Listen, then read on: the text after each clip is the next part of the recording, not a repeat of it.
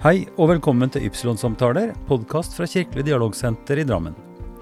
Navnet mitt er Ivar Flaten, og vi er nå kommet til episode 77, der jeg har gleden av å snakke med Svein Ludvig Larsen. Han er 75 år og pensjonert prest. Som nyutdanna kom han til Sør-Varanger og ble dypt engasjert i samfunnet der. Livsgrunnlaget forsvant da gruvene ble lagt ned, og Svein Ludvig ble sendt sørover til Stortinget for å tale deres sak. Da han senere flytta til Øvre Eiker, ble presten en viktig faktor i aksjonen Øvre Eiker viser ansikt, da en nynazistisk gruppe etablerte seg i bygda. Aksjonen har samla folket i kampen mot rasisme, og satt varige spor både i skole og samfunn. Nå markerer Øvre Eiker viser ansikt sitt 25-årsjubileum, ett år forsinka pga. pandemien. Jeg vil at Kirken skal være opptatt av det samfunnet vi lever i, sier han. Kjære Svein Ludvig Larsen, velkommen til podkaststudioet mitt. Takk. Koselig. ja, Takk for sist, må jeg si også. Vi var sammen nå i festivalen på en veldig interessant samtale i biblioteket. Ja. Um, og vi eh, møtes jo her og der, litt forskjellige plasser, men nå uh, handler det om Svein Ludvig uh, og ditt liv og ditt arbeid.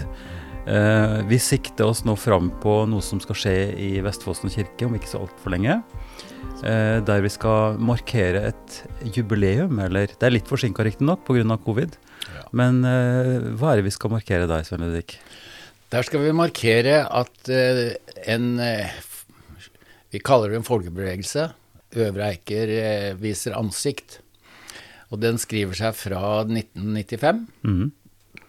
Da skjedde det noe i Spesielt i Hokksund, da, men i, i bygda vår som eh, ga oss et sjokk. Mm. For jeg var da fungerende prost og satt hjemme i stua og så på Dagsrevyen. Mm. Og plutselig så er Hokksund og sentrum og brua i Kantumbrua, som ble på en måte et symbol, mm. plutselig var den i fokus med mm. massevis av politi og blitsere. Mm. Og da fikk vi vite at på Valo grendehus, en seks kilometer unna, var det en nynazistkonsert i vår bygd. Mm. Og disse blisserne var kommet til Oslo for å gå opp og ta dem, mm. og politiet rykka ut og fikk dem tilbake. Men for meg, og jeg tror for stort sett hele bygda, så var det et, et kraftig sjokk. Er det nynazismer nynazister i bygda mm. som vi ikke vet om. Dette helt, kom helt ut av det blå? Det kom helt ut av det blå. For oss, for allmennheten. Ja. Politiet visste selvfølgelig noe. Mm. Kommunen hadde nok visste om noen som var med. Mm. Men for meg eh, eh, som prest så var det helt ukjent. Mm. Vi skal ikke gå inn på det akkurat nå, nå videre, fordi vi skal spole litt tilbake. Mm. Eh, for det første så har jeg litt lyst til å høre hvem, hvem du er, Svein Ludvig. Hvor kommer du fra? Var, hvor vokste du opp? Og hvordan har du blitt den du er? Ja, det kan du si. Jeg vokste opp i et eh, arbeiderhjem i Sandefjord. Mm. Faren min var konditor, baker, og eh, var, eh, det var et kristent hjem. Aktiv i kirken, på søndagsskolen. Det mm. var liksom min barndom. Foreldrene mine drev eh, kristent barne- og ungdomsarbeid. Og ble med i barne- og ungdomsarbeid sjøl i K5 og K fra, ja, fra jeg var liten, egentlig, men så, veldig bevisst på det i tenårene. Så det var veldig aktivt ungdomsmiljø i, i Sandefjord på den tida. Så det var min ungdomstid. Og jeg eh, hadde egentlig tenkt å bli agronom, og har, veldig, har, har alltid hatt grønne fingre og liker, liker den type. Men eh, av en eller annen grunn. Så da jeg kom inn på engelsklinja, som jeg egentlig ikke hadde tenkt, men pga. en forelskelse, så havna jeg der. En forelskelse? ja, læreren, det var ei jente der som jeg var interessert i, da. Det var ikke læreren? Nei, det var ikke læreren. ikke forelska i læreren, men var jente de. Og så ble det språk, og så hadde jeg tenkt å reise Så fikk jeg lyst til å reise som misjonær. Jaha. Hvor kom den fra? Fra KFKM? Nei, den kom vel Ja, på leirer. Okay. Ja, mm -hmm. Men jeg tror, når jeg tenker etter, så var det nok like mye e eventyrlysten ja, ja. Som, som, dro. Eh, men, men, det var på en måte Så da måtte jeg jo lukte på teologien. Mm. Men, men, jeg hadde lyst til å perfeksjonere meg i fransk. Jaha. Og hadde fått tilbud om jobb i Marseille. Og Hva slags jobb da? I, av shipping. Du vet, Sandefjord er jo shipping, så jeg Mhm. hadde mange shippingfolk vi kjente. Så han ordna meg en jobb i Marseille, og rett før jeg skulle reise, så, så fikk jeg ikke arbeidstillatelsen. Den kom kontra beskjed. Og da skulle jeg egentlig begynne på teologien, da, for jeg hadde jo ikke noe annet å gjøre. Så jeg ringte til Stavanger og hørte om det var plass, og de hadde tatt opp studentene, og de sa bare begynn i Oslo, så tar du språkene i Oslo, så kommer du til oss når du er ferdig. Men jeg kom til Oslo og ble veldig dratt inn i KFM og K-miljøet der. Så jeg ble i Oslo. Og Men språkene, Svein Ludvig, det er ikke fransk og tysk. I- Ta språkene først. Nei, ta språkene først. Det var litt andre språk. Er ikke det en ganske utrolig bratt bakke å starte opp med gresk og latin og hebraisk og hele den greia Jo, det var en bratt bakke. Eh, latin syns jeg, den, den kom jeg gjennom. Og jeg hadde ikke noe behov for å liksom føle at jeg skulle bli en eh, god latiner. Nei. Eh, så den, den eh, Sånn middel, middelshavsfarer i, i latin. Gresk syns jeg var kjempespennende. Ja. Eh, hebraisk tyngre. Så jeg brukte et halvt år ekstra på språkene fordi jeg samtidig drev en ungdomsklubb på RIS i, i Oslo. Så jeg hadde, var veldig engasjert av å være med i ungdomsarbeid. Men hvordan var det teologien, altså medstudenter, lærere Du syntes det var fascinerende? Du likte det der? Ja, jeg trivdes. Jeg trivdes på Det var jo det gamle MF, da. Og det var et veldig tett miljø. Og veldig godt sosialt miljø. Jeg syns det var spennende og hadde gode venner og sånn. Og lærerne var jo spennende. Eh, Jeg fulgte kan si det sånn Wisløff ble jeg så eh, lei meg av, fordi at han harselerte så veldig med den katolske kirke. Ja, og jeg har nok en affinitet til Ja. Eh, Jeg har aldri gått over mot den katolske kirke, men jeg kjenner at det er noen dragninger der. ja. Eh, Men kom inn etter hvert som du ble, kom ut i studiet, så kom jeg inn i en eh, gjeng rundt Leif Aalen, Ja. dogmatikeren Leif Aalen. Ja, ja. Og det var veldig spennende, for han var jo en, en markant eh, te, eh, professor. Og, og veldig from, og dogmatisk veldig mm, tydelig på hva han mente. Så eh, vi var eh, Og en del av den gjengen har jo markert seg i kirken også, blant annet eh, han uff, ja. Navn, det må du unnskylde meg Nei, men- hvis jeg men skal vi- si et navn, men det var i hvert fall Det, kommer, det kommer tilbake. Ja. Men du, Svein Ludvig, er ikke, altså dogmatikk er ikke det et slags eh, fyord? Altså, når man sier at noen er dogmatiske, så er det veldig stivt og, og kantete, og Mm. Ja. kanskje litt eh, ja, litt, altså ikke bare litt, men negativt. Altså innlåst, på en måte. Ja, og det har jo fått det, i hvert fall i dagens verden, er det å være dogmatisk. Det, Ja. det liksom, da, er du, da er du så lost. Og vi, vi ble ganske dogmatisk eh, Ja. prega av Så du vet hva som er rett, du Ja. vet hva som ikke er rett, Ja. du vet hvor du står hen, og Ja. du avgrenser det fra andre. Ja. Og dette er jo helt kontra det som er min eh, store ting i livet, altså det med, med dialog. Fall Fra det ytre høres det sånn ut. For der er vi opptatt av at vi skal jo, vi skal vite hvor vi står, men vi skal også være maksimalt åpne for andre. Så- Men hadde, hadde jeg møtt deg, Ivar, eh, i, rett etter studieavslutning, så hadde jeg stilt store spørsmålstegn med hva er det den karen vil drive Ja, oss ja, til, altså, ja. som snakker og så åpent om andre trosretninger, eh, og hva er kirken for noe da, midt oppi det Ja, hele. ja. Og jeg var ganske dogmatisk og ganske eh, Kvinnelige prester? No. Ikke Mhm. noen kvinnelige prester. Eh, mm, udøpte, nei, ugifte foreldre ved dåpen Mhm. eh, var i, i min første tid ganske Ja. spekulativt Ikke spekulativt, det var i hvert fall ting jeg Unnskyld. Unnskyld, ikke syns var helt greit. Så jeg hadde mange sånne sterke meninger. ja. Men, men altså, jeg vil jo si eh, altså, Når du ser i bakspeilet og etter dagens lys, så, så skal du Du skal komme fra et sted, du skal være, du skal være klar over hvor du står hen. Altså, det vil jeg se på som en stor kvalitet. Men du kan vite hvor du står hen uten at uten at det dermed skaper avstand fra andre. Og, og den distinksjonen der syns jeg er interessant, og før vi går videre, bare å grave litt i. Fordi det er jo mange som vil si det samme i dag. Sant? Som har et sterkt ståsted i enten en religiøs eller en filosofisk, eh, ideologisk sammenheng, og sier at du kan ikke drive sånn. Nei.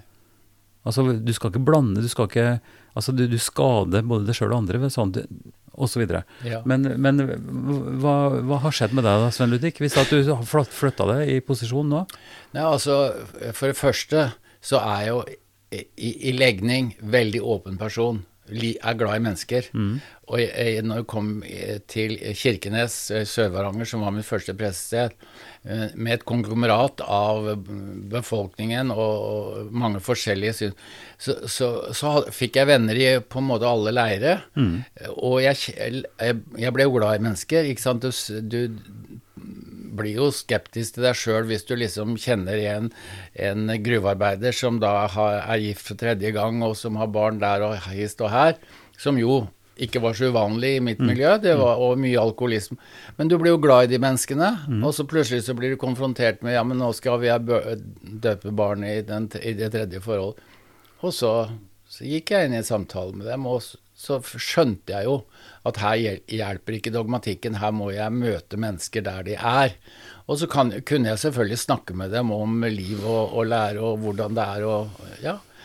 Og det syns jeg ga meg en veldig det, det, det hjalp meg til å se ting, og samtidig så fikk jeg en Jeg var kapellan og fikk en sogneprest med en helt annen tilnærming til livet. Veldig, veldig sånn åpen i eh, og flott å møte mennesker, og dro oss jo med også rundt i, på husmøter til, til alminnelige folk som liksom ikke vanligvis eh, gikk i kirka fordi de hadde ja, Noen var læstedianere, ikke sant, og noen forskjell. Så, så jeg kom inn i et miljø som på en måte tvang meg til å måtte revurdere eh, Jeg kjente nok at jeg sto på samme teologiske mm. grunn. Men altså, eh, jeg, jeg klarte ikke å forholde meg til å sette grenser med mennesker, så jeg møtte jo mennesker og forholdt meg til mennesker i, i den situasjonen de var, og, og tok heller samtale. Blant annet så starta jeg med hvis det var skilte som skulle giftes, som jo jeg i utgangspunktet ville ikke gifte å snakke med dem. Og jeg opplevde jo å kunne holde eh, nærmest et eh, skriftemål i det, hvor de på en måte Jeg sa dere har jo noen ting i forhold i det livet som, som eh, er, kunne være greit å gjøre opp før den går videre. Og det, sånne ting syns jeg ble, eh, ga meg muligheten til å både kjenne menneskelivet sånn som du er i virkeligheten, og samtidig kunne møte dem ut fra et ståsted som ikke bare eh, var relativt, altså. At livet er samme åssen du er. Nei, Ja. nei men jeg syns det der er høyinteressant, fordi noen vil si at dialogarbeid handler om å snakke med muslimer eller buddhister og, og folk som står på en helt annen på, et helt annet, på en helt annen plattform, en helt annen eh, kulturell og religiøs bakgrunn. Men jeg ser jo mer og mer at, at en dialogisk eller åpen holdning i stor grad eh, er både viktig og nødvendig i et såkalt homogent miljø også. Ja, ja. Altså innad i kirka, eller altså som du nå beskriver i, i Sør-Varanger, Mm. med, med folk med helt forskjellig bakgrunn og forskjellig holdning til kirke og tro og, Mm. Og så videre. Sånn at du fikk jo en slags eh, dialogisk ilddåp da når du kom dit, gjorde du ikke det? Jeg, jeg gjorde det. Ja. Jeg, jeg, årene i Sør-Varanger gjorde noe med meg i, i forhold til teologi og, og måten å eh, møte mennesker på. Kanskje også å preke. Jeg ser jo en utvikling i måten å også preke på, at det ikke var sånne liksom litt fasttømra meninger, men at du på en måte ble prega av at du møtte mennesker og, og hvem de var. Mm. Eh, når du prekte for læstadianerne, så måtte du De krevde jo litt Det ble litt annerledes betoning på enkelte ting, men Ja. jeg, jeg syns det var var også en del av det, fordi du møter menigheter som har forskjellig inngang til hvordan de oppfatter at en eh, preken skal være, da. Eller det var for gruvebuss gruvebus Det var ikke så veldig mye gruvebus, men de kom jo i begravelser og sånne ting, så, så samla det Der var jo folkekirken intakt. Gruvebus, det er jo et, eh, kanskje et litt eh, vanskelig ord for noen. Hva, hva, hva, hva legger du i det? Nei, gruvebussen, det er, det er arbeidsfolka i gruva. De som Ja. går med skitten lomp og, og som har eh, kols i lungene etter å ha holdt på i gruvene. Altså de som virkelig har stått på gulvet og båret Ja, ja. dagens byrde. For Tøffe, tøffe gutter. tøffe gutter og jenter. Og jenter. Ja, for det er stort alle Der jobba jo begge, Ja. begge parter i, i gruvene. Mm. Jentene kanskje ikke så harde jobber, men jo, de kjørte biler og trøkk. Og, Mm. Men eh, du, du fikk eh, Altså, eh, Leif Aalen var grei å ha med seg til stadionerne, eller? Nei. Nei, Si nei det. det. bo- ikke, ikke lekstadianerne i, i Sørvang. De var mange av de Altså de som Det er jo forskjellige grupper Mm, der, som du sikkert kjenner. Lyngenlestadianerne kunne, de kunne godkjenne det, men ikke de førstefødte, for de, de har en helt annen dåpssyn. Ja. Så det var jo også noe å møte forskjellige deler innenfor den bevegelsen. Men, eh, men altså, jeg, jeg vil jo si det at å ha en god teologisk skolering, uansett hvordan du utvikler seg, er jo det et fundament. Ja, Ja, ja, Så, og du eh, holder deg til det, så kan du turnere det og se hva som du holdt på å si er brukbart i, Mm. Ja. mot eh, levende liv. Ja. Og det, og det er jo noe som eh, er et slags a priori, tenker jeg, at en har, at en har erfaring og levd liv som et premiss for teologien. Altså at det ikke er motsatt. Eh, at det er livet sånn som det, det skikker seg, og livet sånn som det, du møter det eh, som menneske og som medmenneske. og At du må forholde deg til Ja. det eksistensielle og til tro og, og til teologi. Jeg vil jo si det. altså Der har jeg jo støtte fra klokere folk enn begge oss to. Ja, og jeg vil jo si at det var Jeg, jeg hadde en god praktikumsrektor i, i Utnem. Ja. For jeg fikk ikke noen sånne strålende karakterer verken i teoretikum eller, eller i, på praktikum.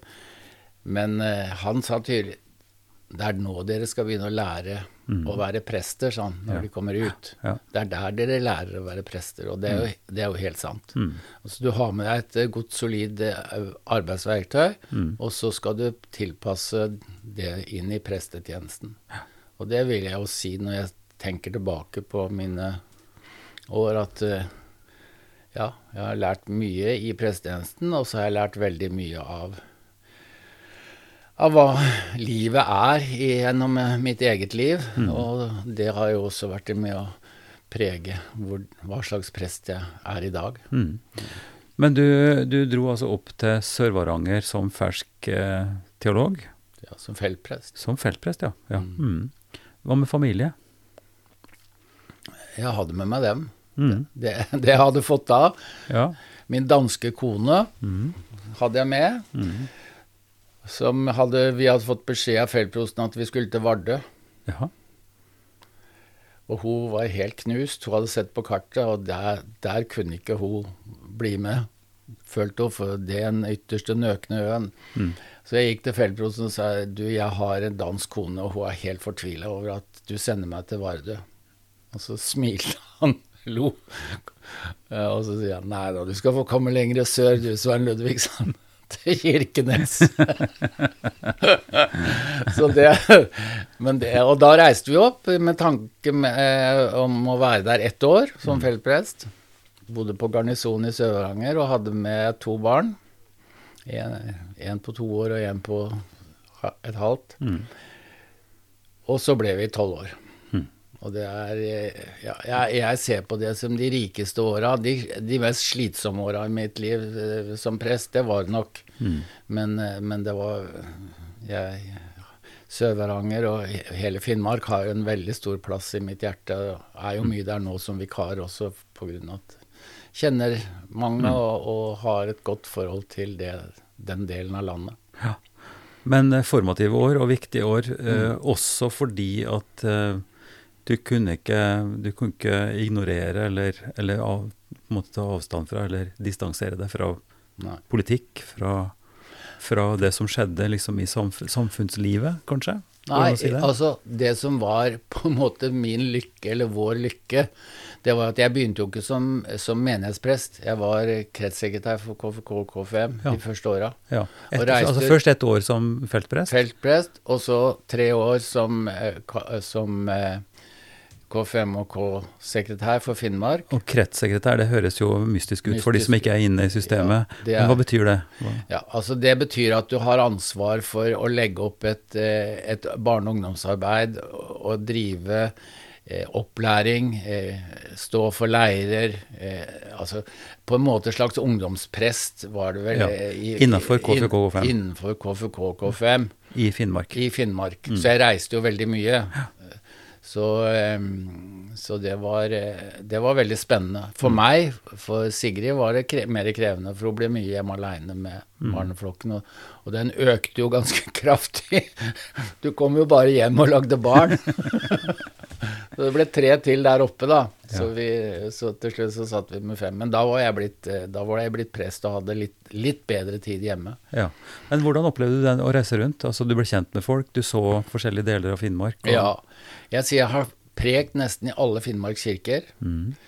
Eh, unntagen der hvor det ikke var noe Det var jo noen av kirkene som lå såpass langt unna befolkningen etter hvert som ikke det var men, men, de aller fleste steder som hadde befolkning, var det også et eller annet type ungdomsarbeid, speiderarbeid eller noe sånt. Mm. Så jeg har vært veldig mye rundt uh, i, i, Finnmark og, og uh, og hatt stor glede av det, da. Ja. Selv om det var krevende i, i, den tida. Det var ikke så mye det var ikke fly, Småflyplassene var ikke ordentlig i, i gang. Så, um, så det, det syns jeg Det er jo et privilegium å få lov å bli så kjent med, med den delen av landet, da. Mm. Så um, ja.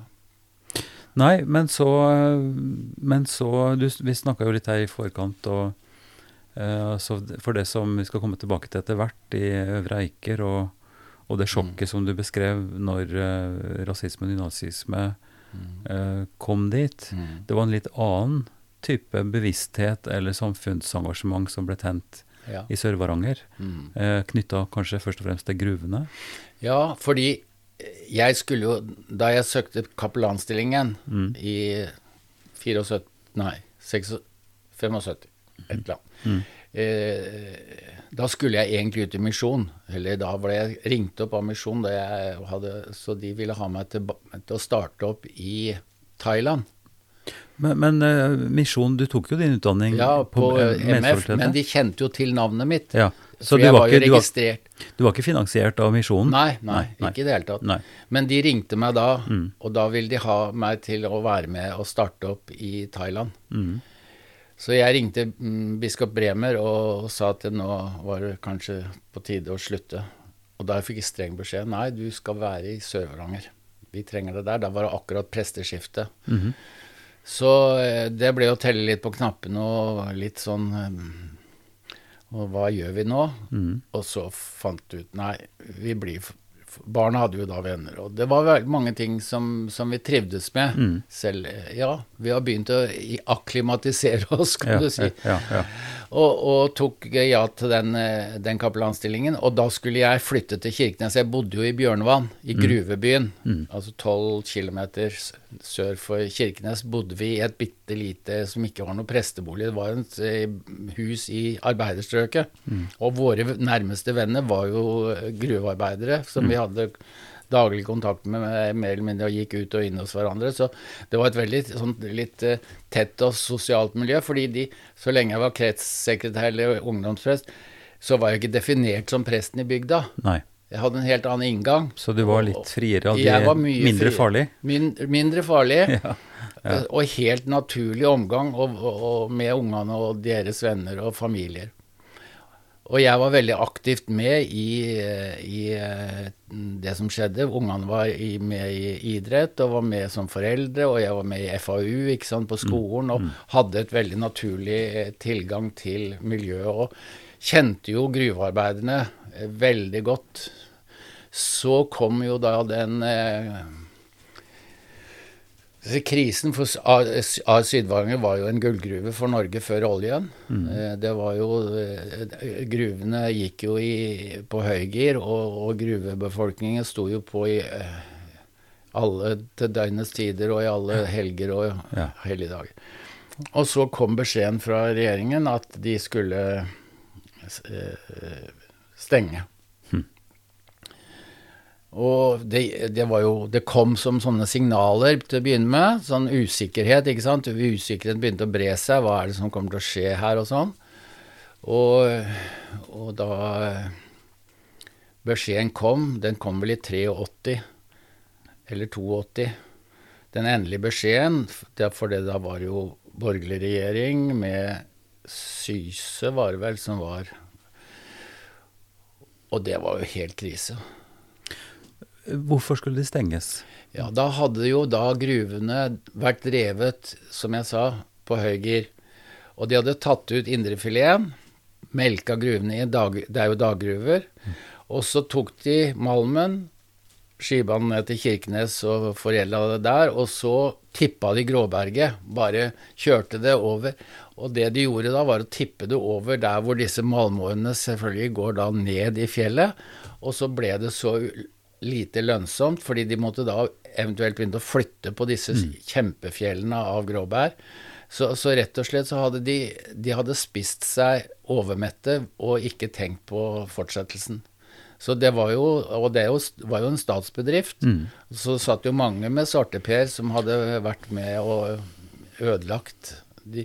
Og da, da, er det jo greit, si vi, setter, vi skrur av krana, og så sitter de som hadde jobba, de sitter igjen med svarteper. Direktørene og, og administrasjonsfolk som hadde kommet sørfra og klart seg godt, de reiste. Mm. Og gruvefolken satt igjen med hus som var i null og niks verdt. Mm. Og det var, det var altså et Ja. Det var en krisetid som jeg Jeg var jo ikke forberedt på sånne ting, og det var jo folk som da i nabolaget mitt som trua med selvmord, og som skilte seg, og som drakk seg bort. og Det var, det var veldig krise. Så jeg og, og eh, distriktslegen. Mm. Vi, altså, vi, jeg tror vi i flere omganger fulgte etter folk altså, for å prøve å Jeg gikk vel over litt over grensen, men, men, men når du så, var så nært tett innpå nøden Du kjente jo disse folka. Mm. Så du kunne liksom ikke bare si at ja, ja, nå får noen andre ta over. Men jeg fulgte opp, og hun fulgte opp, og, og det, det, det var ganske krevende folk som eh, nærmest var i ferd med å gå til grunne? Ja da. Det, og hele gruvesamfunnet var på kanten av å, å rakne fullstendig. Så eh, Hvor mange mennesker er det snakk om? Cirka? Ja, ja, det var vel snakk om en i det området. Og, men du vet, der, akkurat direkte gruvearbeiderne var rundt Hele gruvefolket var vel, de var vel ca. 900 mm. som direkte var knytta. Men alt i, i Sør-Varanger og for så vidt i hele Øst-Finnmark var jo veldig avhengig av gruvene. Mm. Fordi det var, det, det var, den store leverandøren av arbeidsplasser og, og infra, heller mm. muligheter for å drifte der oppe. Så den hadde veldig store ringvirkninger. Så, eh, så eh, hva, hva, hva, hva, gjør man da? Altså når, når bånd går helt ut av samfunnet? Nei, da skrev jeg et brev til regjeringen hvor jeg beskrev situasjonen blant befolkningen og mm. den nøden som, sosiale nøden som var. Mm. Og så fikk jeg prosten i Vadsø og biskopen i Nord-Rogaland til å underskrive det brevet, og det ble sendt til regjeringen. Mm. Og den ble lest opp på Dagsrevyen, husker jeg. Eh, og så fikk vi eh, en eh, det ble, det ble jo bemerka altså i, i, i lokalmiljøet var, var, det stor takknemlighet for at vi gjorde det. Men fra regjeringens side så ble vi latterliggjort. Mm. En kirke som liksom ikke har Som blandet seg i politikken? Ja, han som var generalsekretær i Høyre, kom på Dagsrevyen og sier her er det folk som skal lede mennesker til inn i den åndelige verden, så skal de, har ikke noe peiling på hva de snakker Altså, vi ble latterliggjort. Det, det sto han seg ikke godt på sjøl etterpå, men, men det var nå det. Og resultatet av det var at Nordens Klippe, den rødeste fagforening i Norge, spurte meg om jeg kunne prøve å, å, reise til Oslo og snakke med Kristelig Folkeparti, som satt i den regjeringen. Og det gjorde jeg, og, og, der var Jeg tenkte at eh, det er vel ikke farlig å si det. Tungesvik, som var fylkespsykiater, han hadde jo flytta sørover, men han kjente jo forholdene. Mm. Så jeg trodde jo at jeg hadde en alliert. Ja, ja. Mm. Men jeg ble, jeg ble så skuffa. Så utrolig skuffa over det jeg møtte. Fordi? Ja, fordi de hadde eh, Altså de, hadde, de, visste nok at dette var riktig, det jeg sa, det kunne ikke, men de ville ikke ta i det. Nei. De var så lojale. Det var én, og det var, det var Hvitt. Far Mm. til han eh, ja, Du kjenner deg igjen han, han er jo prest. eh, Mhm, mm, Men eh, ja. det var ikke biskopen, men broren til biskop eh, Tor Hvitt. Mm. De er jo fra Nordkapp, Mm. eller Honningsvåg. Og han ga meg en god tilbakemelding, men eh, gruppa som sådan ville ikke røre ved det. Så møtte jeg industrikomiteen Mm. og la fram eh, mitt budskap og fikk eh, så hatten passa av eh, den gangen daværende formann Due. At de skulle ha seg frabedt at vi, jeg kom og la liksom eh, nærmest skylda for menneskelig nød og død eh, i, i, der oppe. Så sånt, sånt ville han ikke høre på. Og så skulle jeg møte daværende leder av, av eh, LO, Harald Seth, Mm. og satt ute på gangen og skulle ha et møte med han, og så kommer hans nestleder, Unne- Un, nei, Harriet Andreassen, Mm. ut og så fisk, Ta meg inn, vinke meg inn. Mm. Du har ikke noe å hente her, sier hun. Han satt i det styret som har gjort de store Og det hadde jo Arbeiderpartiet òg, så de ville liksom ikke Det var ikke noe, det var ikke noe Jeg var så eh, knust av politisk Hvordan, hvordan forstår du det nå i ettertid? Altså da, da er det et system, det er et politisk vedtak, det er en struktur som er bestemt, Ja. og da er kostnadene kalkulerte, på en måte. Ja. De menneskelige kostnadene, de var eh, eh, ikke til stede i det hele tatt, sånn som jeg opplevde det. De hadde ikke lagt noe eh, eh, nett for hva skulle disse arbeiderne Skulle de få noen kompensasjoner? Skulle, det var ikke lagd noe sikkerhetsnett. Nei. Det sto ikke noen arbeidsplasser klar, som jeg mener de hadde vært forpliktet til. De kunne lagt ned gruvene den dagen de hadde gjort alt for å skape nye arbeidsplasser. Og de kom jo bare Heldigvis så kom de jo, men det var ikke pga. Eh, det kan vel hende at regjeringen eller noen har vært inne, men det var Kimek. Fordi russerne så muligheten for å eller de så jo mulighet for å bygge opp en, et sånt eh, verft i, på de, der hvor gruvene hadde hatt sine lokaler nede i Kirkenes. Så Kimek kom ganske tidlig og tok av en god del av eh, arbeidere. Si hva, det gikk- si hva det er, Kimek. ja, Kimek er eh, en, eh, en industribedrift som i hovedsak tar imot båter fra fiskerflåten, både norsk og russisk, Mm. for å, at de hadde lett tilgang til havn Ja. når de trengte hjelp. Mm. Vedlikehold osv. Vedlikehold også.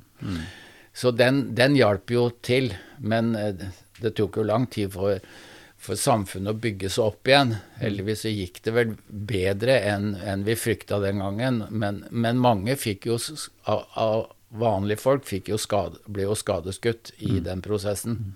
Komme Men hva, hva har dette betydd for deg da, sånn i ettertid? Jeg tenker på kirkas rolle. En får jo stadig høre at kirka skal ikke drive med politikk, og, og at vi har et annet domene som vi skal holde oss Ja. langt unna det som er av problemstillinger som er politiske. Hva, hva tenker du om det i dag? Nei, ja, altså, det vet jeg jo at det var mange som mente, i hvert fall høyere oppe i politikken. Eh, Men, men jeg, det forsvaret av kirka skal være opptatt av sin menighet. Og når folket er menigheten, så er det mitt ansvar. Jeg hadde et ansvar for de gruvearbeiderne, for de tilhørte Den norske kirke. Og jeg eh, hadde et ansvar for dem eh, som, som prest. Og jeg har et ansvar for Ja, sånn tenker jeg i samfunnet.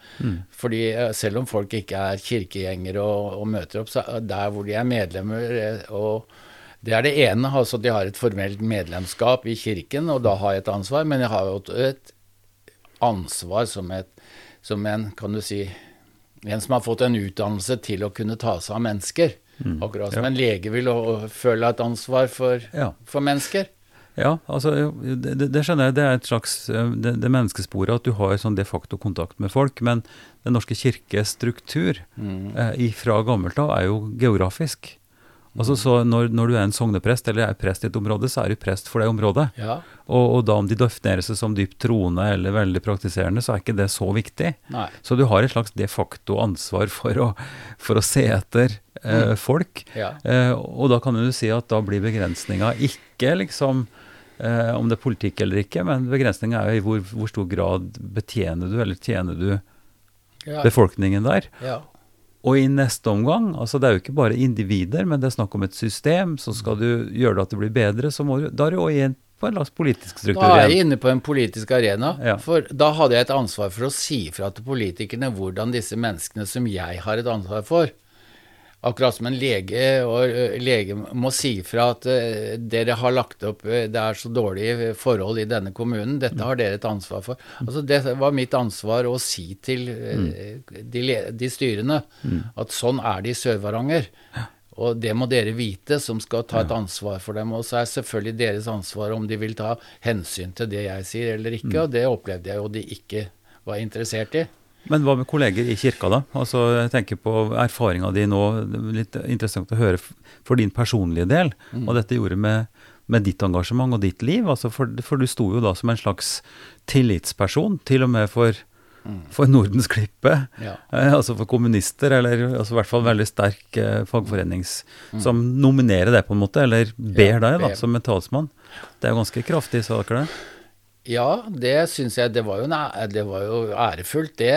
Og samtidig så Jeg skjønner jo hvorfor de Fordi de hadde jo et håp om at eh, presten kanskje nådde fram til, kirkelig, nei, til Kristelig Folkeparti bedre enn eh, ja. en, en kommunist fra Kirkenes. Men det stemte ikke? Det stemte nok ikke. Nei. jeg tror ingen hadde nådd fram til dem den gangen.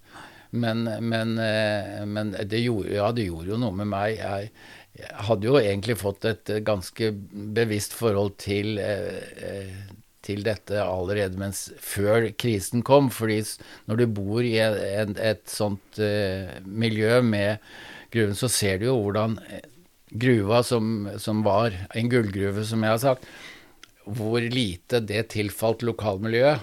Mm. Det, det, der var det ikke noe uh, De kunne bruke de midlene til å bygge opp landet og bygge store, flotte bygninger i Oslo, men det var jo ikke noe sånn som tilfalt Eh, det eneste som jeg kan rose dem for, var at de ga litt tilskudd til idrettslagene. Mm. Eh, for det var vel Det gjorde de jo. Men mm. Eh, så jeg var jo veldig engasjert av det samfunnet jeg bodde i, og ble preget av at jeg bodde i et gruvesamfunn. Det, det vil jeg si. Og det har jo satt preg på min politiske overbevisning i, ja, for du har valgt også etter hvert å engasjere det politisk, partipolitisk. Ja. Mm, der du har starta det der oppe, eller? Du, det starta der. Ikke, jeg var ikke med i noe politisk parti der oppe, fordi jeg syns alltid når du er prest, så skal du være prest for mm, alle partier, ja. og da syns jeg det er vanskelig å være definert som en. Men jeg lå jo helt klart på, på venstresida og hadde venner i, i det miljøet. Ja. Uh, og da jeg kom til uh, Men Hvordan funka det for de andre? Altså, du, jo, du, var jo et prestefellesskap. Selv om dette er et stort område og det kanskje ikke var så veldig mange sammen. Hvordan, hvordan reagerte kollegene dine? Nei, jeg tror, eh, altså, vi, var to, vi, var to, prester sammen i Sør-Varanger. Mm. Eh, han, han, som gikk foran meg, var foran meg som kapellan, hadde jo vært veldig engasjert i SV. Mm. Så han hadde jo på en måte prega at kapellanene er, er mm. radikale. Ja. For det var den gamle prosten som var da jeg kom, som var prost og sogneprest, han var helt høyremann. Ja.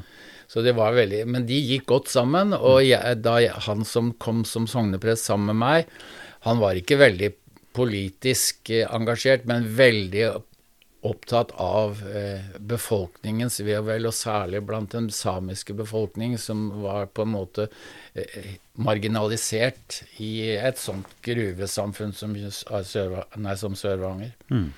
Så han var også en pådriver i forhold til dette å engasjere seg for folk. Ja, ja. Men ikke direkte politisk. Nei. Men jeg var jo heller ikke politisk, men jeg ble jo oppfatta veldig politisk. Biskopen, da? Og folk rundt ellers? Altså, hadde du klapp på skulderen, eller fikk du skråblikk? Ja, det, det syns jeg jo Altså Bremer, eh, som var biskop det meste av tida mi, var veldig romslig. Han ga vel aldri uttrykk for noe, noe Det eneste som vi fikk litt sånn kritikk for, og det var både jeg og sognepresten, det var da under Alta-aksjonen.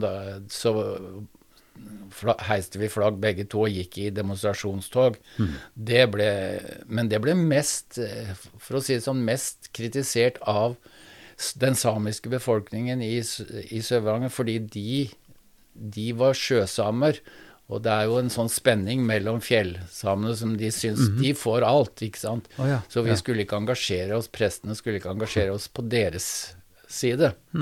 Så, men eh, det var ikke noe eh, kritikk fra biskopen at vi, var, at vi engasjerte oss den gangen. Det var det ikke. Men var du aktiv også der, eh, utover For den aksjonen var jo også Den har jo gitt gjenlyd og har skapt masse. Snakka om det i denne podkasten før, om, om hva den mobiliseringa gjorde for samisk bevissthet og for ja, Sameting og hele demokratiseringa og veldig mye. Den betydde jo mye i Finnmark. Men i Sør-Varanger i min tid så var ikke det veldig Altså, der var jo ikke det en sak de, de Hva skal jeg si Den ble ikke så eh, betent, fordi vi hadde jo en Vi hadde jo en, veldig få, i hvert fall, som identifiserte seg med den samiske befolkningen på vidda. Vi hadde jo noen som drev med rein, og de var nok mer identifisert seg med dem. Men de fleste gjorde ikke det. Så eh, så jeg kan ikke si at akkurat den aksjonen Vi, vi var med i aksjonen, og jeg har eh, vedkjenner meg at jeg mener at det var feil det de gjorde den gangen osv. Men, men det har nok ikke vært den helt store saken for meg i min finnmarkstid. Nei. Nei. Men tida i Sør-Varanger, den tok slutt. Ja, dessverre. Det var ikke planen. Eh, Jeg eh, hadde da begynt å studere finsk, fordi vi hadde jo en del finsk befolkning Ja. i bygda, så jeg syntes det var viktig for meg å kunne kommunisere. Og særlig en del eldre som eh, når de begynte å bli gamle og skrøpelige, så var det morsmålet som, Ja, ja. som satt. Så jeg tok finsk utdannelse, og så etter den eh, tida med gruvegreiene som krevde veldig mye, og jeg var aleine prest, han, da hadde sognepresten flytta til Vadsø, så jeg, det var et vakanse, så jeg, midt oppi det hele så, så var det bare meg som var der. Så det krevde veldig mye. Så jeg eh, gikk på en smell. Hmm. Jeg glemmer ikke, jeg skulle kjøre hjem fra Kirkenes Bjørnevann som er 12 km, og plutselig så kom jeg på vei hjem, ante ikke hvor jeg var. Men det er jo sånn det er når det blacker ut, Ja. og det gjorde det. Så jeg skjønte jo det at tida var eh, at, Så derfor så søkte jeg ett års permisjon for å studere finsk. Tenkte at da ja. får jeg et pusterom. Mm, Fikk ikke noe svar. Noe det bare, bare ble liggende. Så tenkte jeg da Eller det var ikke jeg som tenkte da, for da var det en annen som tenkte for meg, som sa at dette går bare ikke lenger. Som skjønte. Ja. Så jeg søkte og fikk en stilling da sørpå. Mm. Men det endte jo med et skikkelig smell, fordi at eh, jeg skulle jo være da over jul og ha, reise etter jul, og akkurat den jula så døde mora til en av våre beste venner der oppe, og så skulle jeg ha begravelsen, og de ville gjerne ha den før jul. Mhm. Så, eh, så jeg gikk ned på kirkekontoret for å snakke med graver og kirkevergen og det hele, og de satt og hygga seg med juleavslutning uten at jeg hadde fått vite det. Og så sier jeg at det nå er en begravelse, så den må vi ha før jul, for jeg skal forberede meg. Nei, det var ikke tale om. Ikke noe napp i det hele tatt. Graveren ville ikke ha noe begravelse før i romjula. Det var, det var eh, gnisten som skulle til. Da, da brast alt. Så jeg gikk opp i kirken, og jeg kjente at nå, nå, nå, nå går det ikke lenger. Og det, begynte du å grine, eller ble Nei, du jeg- sint, eller Jeg, jeg slo all gikk Først var det, gikk jeg løs på prekestolen. Jeg, jeg kjenner det nå i oi. Og så i alteret, og så tenkte jeg nei, jeg kan ikke være her, for dette går over styr. Så jeg gikk rett bort til, dis, til legen, som jeg jo hadde jobba mye sammen med. Mm. Hun skjønte jo tegningen, så sa hun bare ro deg ned nå, ja. Du må gi meg noe beroligende, sånn at jeg liksom kommer over dette her. Ja, slapp av. Og ja. Eh, så fikk jeg noe beroligende, og så Jeg kan ennå huske det siste fra jeg lå der, Jeg, så ringte hun biskopen For jeg sa jeg, jeg var helt hysterisk i forhold til det at det er jul, ikke sant. Jeg er aleine, jeg skal holde alle disse juleprekenene, og det var mange kirker. At hun ringte biskopen og sa jeg, han er sykemeldt. Det tror jeg det er siste jeg husker. fra, eller om det, hun har fortalt meg det etterpå. I hvert fall så våkna jeg annen juledag. Herlighet. Kom til meg sjøl annen juledag. oi, oi, oi, oi. Jeg, kan, jeg har nok vært våken. Jeg tror ikke jeg har sovet, for dette her var altså to dager før jul. Før Det er jo sånn Olav Osteson ja, ja, men jeg har ikke hatt noe Jeg, jeg tror ikke jeg husker noen drø, draumkved. Du har ikke noen visjoner, nei? Men nei. jeg, jeg var borte, altså. Herlig. Helt. Så det var, det var min eh, Og, og det, det var jo rørende. Da stilte jo Frelsesarmeen og Indremisjonen, alle som kunne preke, og holdt jo juleprekene rundt omkring. Så det, det gikk jo. Men det var litt sørgelig avskjed for meg, Ja, så jeg flytta jo fra menigheten min i full i oppløsning. Ja. Og kom eh, syk og fæl til den neste menigheten, som jo venta på sin nye prest. Det var en særdeles lite og hyggelig opplevelse. Ja. Mm. Så, så da Da søkte jeg Kirkedepartementet om å få For da, da fikk jeg rett og slett, rett etter at jeg kom til, til sørpå, til Øvre Eiker, så fikk jeg beskjed at jeg var innvilga ett års permisjon til å studere finsk. Ja. Og det, jeg følte det var liksom litt uh, meningsløst i Ja, ja. Så jeg ringte, heller tok kontakt med Kirkedepartementet og spurte om jeg kunne få beholde, beholde den eh, det permisjonen, eh, sånn at jeg kunne gjøre noe annet da eventuelt for å komme meg. Nei, det var ikke tale om. Jeg måtte bare gå ut, sykemeldingen mi. med. Og, og akkurat den våren som dette dreide seg om, så hadde vi besøk av gamle venner, og annet hun som da er var og har vært lenge da, sånn, eh, høyt oppe i departementet. Hun var led, hun, administrasjonsleder, eller hva heter det for noe? Ekspedisjonssjef, Ekspedisjonssjef i administrasjonsdepartementet. Mm. Og hun eh, og så sier Snakk ikke til meg om eh, Kirkedepartementet, sa hun. Men det er vi som styrer permisjonene. Ja, ja, Her har du et kort, gå til henne. ja. Da var det blanko med en gang. Da fikk jeg et års permisjon, da. Så da måtte jo den menigheten gå med vikarer som ikke de hadde å sette inn ord Du, det her er en ekstremt sterk historie. Vi kunne bora mer i den, men både når det gjelder arbeidsvilkår og, og Ja. hvordan dette var, Ja. eh, så klart det har jo forbedra seg eh, mye, eh, tør jeg påstå. Altså, det er ikke så grelt, men det er mange som jobber mye og hardt. Ja. Men da går vi, tror jeg, direkte til det som vi starta opp med, nemlig Øvre Eiker viser ansikt. og det sjokket som du opplevde da du satt og så på Dagsrevyen, altså at det var en sammenstimling, det var blitser og politi i Hokksund. Mm. Ta oss derfra. Ja. ja, som sagt, så da, da var Det var jo midt på sommeren, av alle ting, 22. juli. Det er jo veldig rart. Ja, Mm, Akkurat. 22. juli i 1995. Og eh, jeg, da hadde jo jeg vært prest der nesten ti år, så jeg kjente jo denne bygda mm. godt. Jeg hadde jo vært borti nazister, for det kom forbi at det var en del nazister i den bygda. Mm. Men vi visste jo ikke noe om noe sånn som skjedde, i hvert fall ikke vi i, i offentlig eller vanlig. Så det, det var veldig dramatisk, syns jeg. Og vi ble presentert som nazibygda Hokksund. Og det jeg tenkte, det, det er helt feil. Da traff de prestehjertet veldig. Vi er ikke noen nazibygd, altså. Eh, Og ble beskrevet sånn. Eh, Så jeg tenkte dette må vi ta til motmæle om. Så da tok jeg kontakt med eh, stortingsmannen som vel da var ute av Stortinget da, tror jeg, Johan Buttedal. Mm. Som jeg hadde jo blitt kjent med på en annen måte gjennom den fortellingen som jeg hadde tidligere, Ja, ja. Fordi, som, siden han satt i Stortinget. Så, eh, så vi og eh, menighetsrådet eh, og varaordfører var enige om at vi gjør noe. Vi prøver å lage et eller annet som markerer at dette, dette er bygda, ikke bygdas ansikt. Mm.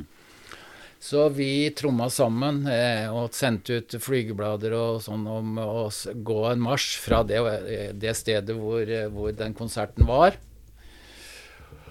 Og i løpet av ei uke så fikk vi det ut, og akkurat ei uke etter, lørdagen etter dette skjedde, så var vi begynt samla vi oss på det grendehuset, og da kom det 500 mennesker i fellesferien. Dette var eh, mm.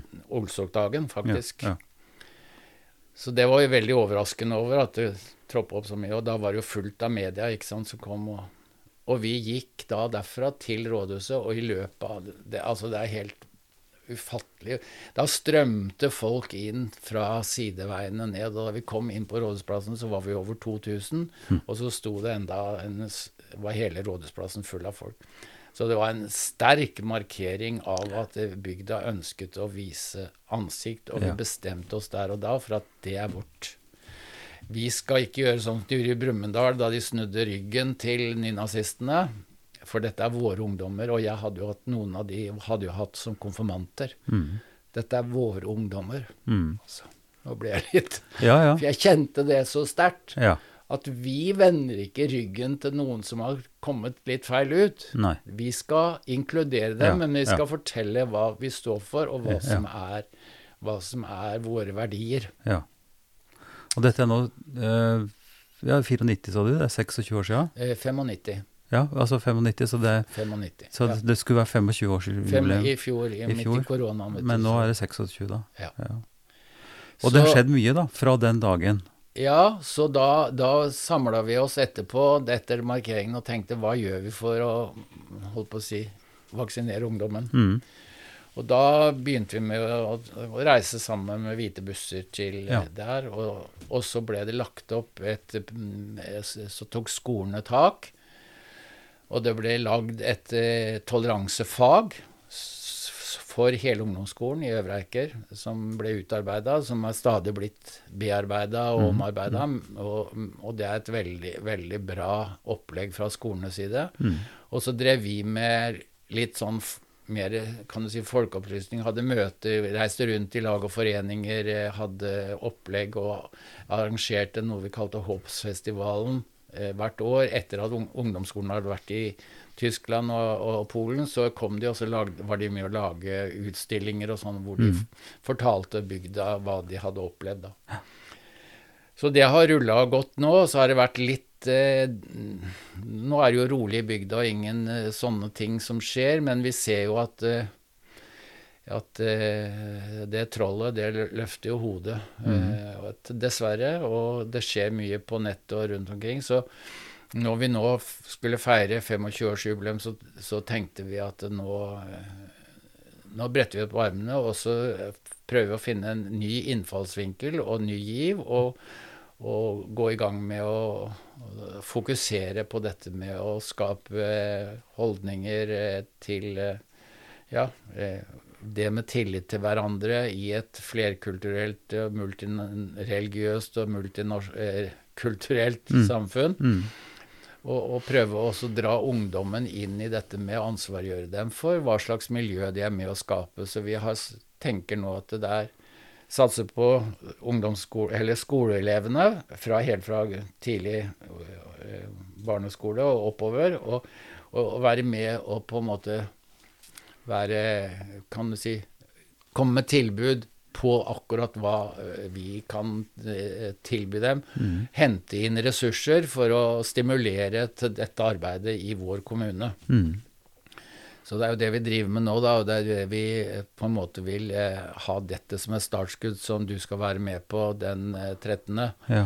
At eh, da er det en mellom kirken, muslim, mosaiske trossamfunn og Human-Etisk Forbund. Hva kan vi, som er, representerer forskjellige tros- og livssynssamfunn, mm. være med og bidra til å utvikle tillit til hverandre? Mm. Skape et uh, samfunn hvor vi med all vår forskjellighet klarer å leve sammen på en god måte. Men, uh, men, her er jo også kommunen og det offentlige ganske sterkt inne. altså Fra mm. begynnelsen av at det har vært et engasjement ja. fra politisk ledelse fra kommunen mm. Også til å være med å stimulere både det med skolen og, Ja. og ellers. Og det har gått jevnt liksom disse, gjennom disse åra, Det er det. Altså skol, eh, kommunen har jo bevilga penger til disse reisene. Det er jo ikke så lite nå, Hvite busser som går til Auschwitz og disse Ja, nå er det ikke lenger Auschwitz for det er blitt som turist. eh, De, de føler ikke at det er noe godt sted å komme lenger med en klasse. Men de har andre konsentrasjonsleirer.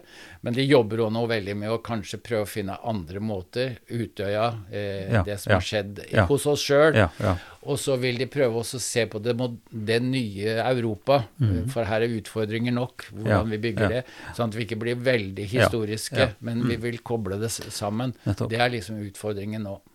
Og så et aspekt her som, eh, som jeg har forstått også til den 13., så, så handler det om det som en må si var historien her, i Øvre Eiker vise ansikt, altså religiøst lederskap. Mm. Du som prest og som samfunnsmenneske som, som så at her måtte noe gjøres. At hva er linken på en måte mellom, igjen da, kirke eller religion eh, og samfunn? Mm. Ikke sant? For her er det jo noen som vil si at nei, det skal skilles helt. ikke sant? Eh, religion har sin plass i, i den friate sfære eventuelt, og i innafor bønnehusene. Eh, mens din praksis både i Sør-Varanger og i, i Øvre Eiker eh, gir jo en annen resonans. Ja, det gjør det. Eh, selv om eh, da, hadde jeg, eh, da har jeg lyst til å referere Mimir Kristiansson. Ja, For nå har dette med kristne verdier har jo i denne valgkampen, ikke sant Du har noen partier som liksom har monopol på kristne Ja. verdier. Hva er kristne verdier? Mm. Kristendommen har eh, satt preg på dette, eh, hele vår kultur, med sine verdier. Og hva er de verdiene? Mm. Og det er de vi som kirke skal være med og holdt på å si blankpusse. Mm. Og da er det ikke bare abortsaken og homofili, og da er det et stort spekter. Og det å se det, at vi som kirke er, midt i et samfunn hvor vi har et ansvar for å, å pusse, blankpusse og holde fram de verdiene. Og det er jo det jeg føler som prest. Altså Én ting er min prekenutleggelse på søndag, og noen ganger kan jeg jo i den prekenen komme med verdier. Da når jeg et lit, en liten del av befolkning eller menighet. Men det å være ute der hvor folk er, og synliggjøre det i, i det offentlige rom, det mener jeg det er, det er, kirkens, eh, det Ja. er kirkens oppgave. Og det, og det har jo du på en måte vist nå. ikke sant? I den samtalen vår så har du snakka om hvordan du som prest og som samfunnsmenneske har, har gjort nettopp dette, å stå opp for mennesker og sånn. Men det er noen som vil si at ja, ja, det, det er jo oss, det er norsk kultur, og det, og det er kirka, og kristendommen har et pre sånn. Men, men det som jeg oppfatter med å invitere både en muslim og en humanetiker og eh, en, en, en jøde en, fra det mosaiske trossamfunn, det er jo at en, da har en, forståelse for at her er det dypere fellesverdier som, eh, som på en måte er grunnlaget for både kristendom og for, for andre. Hva, hva tør du si om det? Hva kan du si om det? For er, er dette menneskelige fellesskapet og grunnlaget vårt stort nok og bredt nok til at vi kan stå der parallelt med hver våre ulike religioner, og at det nærmer det religiøse lederskapet, uavhengig av hvilken plattform det står på, uavhengig av hvilken religion, har et, har et engasjement, eller har et, eh, skal vi si et nød, en nødvendig, eller nærmest en krav på seg, til å stå opp for fellesskapet som er større enn ens eget. Ja, da, det, det, det dypeste utgangspunktet er jo at vi er felles, en fel, én felles menneskehet på denne jorda. Vi, eh, som alle har et ansvar for å, for å eh, eh, på en måte virkeliggjøre at dette er et fellesskap. Eh, eh, og så har du religionene ved siden av med sin, sine verdisett, som de, som de jo har, de har et ansvar for å virkeliggjøre. Og så har vi jo både rett og plikt til å kritisere hverandre når vi ser at de verdiene ikke tjener fellesskapet. Det må jo være den dialogen som går på tvers av, av religiøse samfunn, hvor vi korrigerer hverandre. Og så har jo så tenker jeg, som prest som er forplikta på et kristent budskap mm. Jeg har jo et ansvar for også å formidle hva jeg tror er den, eh, den gode, eh, de gode verdiene ut ifra min tro. Men jeg må jo kunne tåle å bli møtt av eh, Fordi kristendom, al- al- altså de kristne verdiene, har jo blitt misbrukt.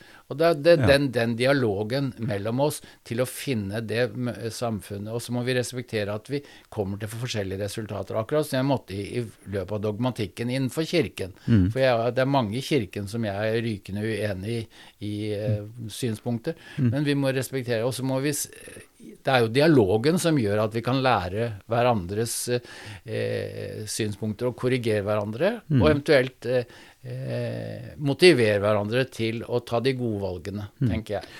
Men eh, Øvre Eiker viser ansikt eh, har jo da som en grunnimpuls altså motstand mot fascisme og nazisme. Ja. Eh, altså dehumanisering. Mm. Eh, og, og det er jo en, en, nesten en ufravikelig eh, utgangspunkt, eller? Ja, det, altså du kan si at det, det som for meg, og som jeg i sin tid når jeg engasjerte meg så sterkt som prest, er at det som eh, det eh, nazismen står for, er diametralt av det jeg står for som prest. Mm. Eh, og derfor så er jeg nødt til å ta til motmål. Det, det er, det er eh, så på siden av alt hva som er kristne verdier i et sånt syn. Eh, så, sånn rent eh, hva skal vi si, ideologisk eh, så kan jeg forklare det sånn. Men, eh, men eh, det er jo Jeg kjenner jo at det, det er liksom på det menneskelige plan og hva jeg ønsker, hvordan vi som fellesskap skal kunne leve sammen i, i denne bygda. Og nå har vi jo de facto mange forskjellige kulturer og religioner og meninger. Men vi skal tross alt skape et godt Øvre Eiker eh, for alle oss som bor der. Og så har vi et ansvar for det. Så tror jeg at, eh, ikke bare tror jeg vet, at det dere har gjort og, og gjør, også er forbilledlig og interessant for andre å følge. Som, for dette er jo noe som, som du sa her tidligere, plager oss. Altså at eh, det trollet det løfter på hodet, og, og det er ting som vi ser rundt oss som vi overhodet ikke eh, kan tolerere. Så vi er nødt til å stå opp mot. Ja.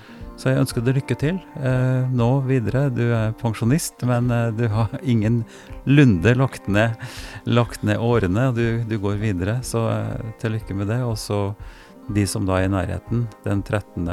oktober, så skjer det interessante ting i Vestfossen kirke.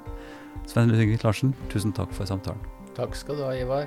Veldig fint å få prate med deg. Takk for at du lyttet til Ypsilon-samtaler, podkasten fra Kirkelig dialogsenter i Drammen. Vi gir normalt ut nye episoder hver torsdag, og du kan lytte til samtlige episoder ved å gå inn på ypsilonsamtaler.no. Vi er veldig glad for inspirasjon og tilbakemeldinger, og gjerne forslag til folk som du tenker vi kan snakke med. Podkasten er støtta av Drammen kommune, av Barne- og familiedepartementet og av Einar Juels legat. Velkommen til tilbakemeldinger som du kan sende til Ivar. Krøllalfa kirkeligdialogsenter.no. Vi høres.